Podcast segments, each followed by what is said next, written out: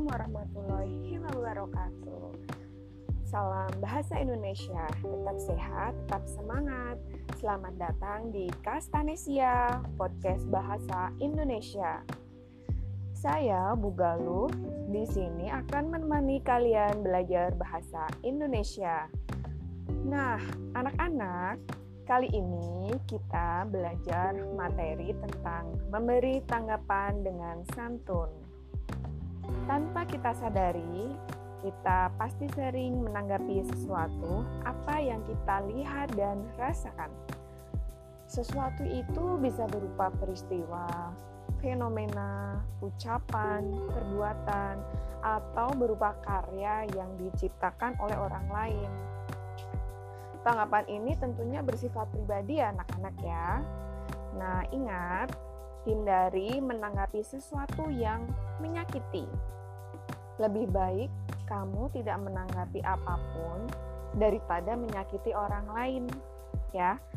Jadi, aspek yang perlu dipelajari dalam hal ini adalah cara menanggapi sesuatu secara objektif dan santun.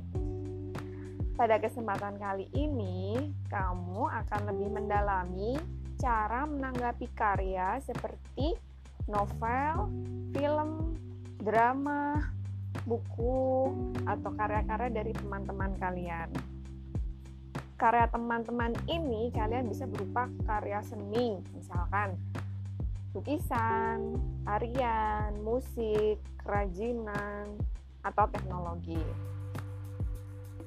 Berikutnya, cara menanggapi sesuatu itu bukanlah hal yang mudah ya anak-anak. Tadi sudah Bu Galuh katakan bahwa syarat menanggapi itu harus objektif dan santun. Kalau objektif itu berarti kalian itu menanggapi sesuatu berdasarkan hal yang sesungguhnya, berarti sesuai fakta dan kenyataan. Bukan subjektif ya. Kalau subjektif itu lebih mengedepankan pendapat pribadi masing-masing. Misalnya, kemungkinan kecelakaan itu akibat kelalaian sopir yang mengantuk. Padahal kecelakaan itu terjadi karena rem blong. Nah, itu namanya pendapat subjektif. Usahakan jangan sampai kalian menanggapi sesuatu hal dengan hasil pemikiran yang negatif. Oleh karena itu, tadi sudah uh, Bu Galuh tekankan bahwa syarat menanggapi itu harus objektif tidak memihak siapa pun. Berikutnya, santun.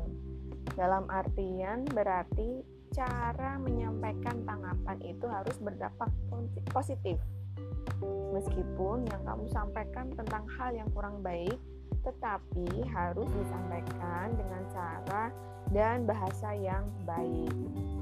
Sekali lagi, bentuk tanggapan berkaitan dengan pujian atau kritik yang membangun dengan bahasa yang santun dan sopan.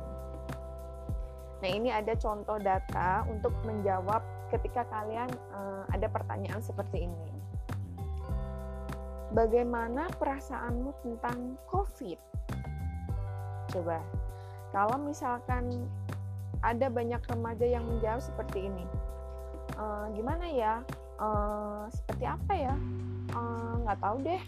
Nah itu jawaban yang menunjukkan uh, ketidakmampuan mendeskripsikan sesuatu. Jadi uh, kalian harus tetap belajar menanggapi sesuatu dengan bahasa yang santun dan sopan.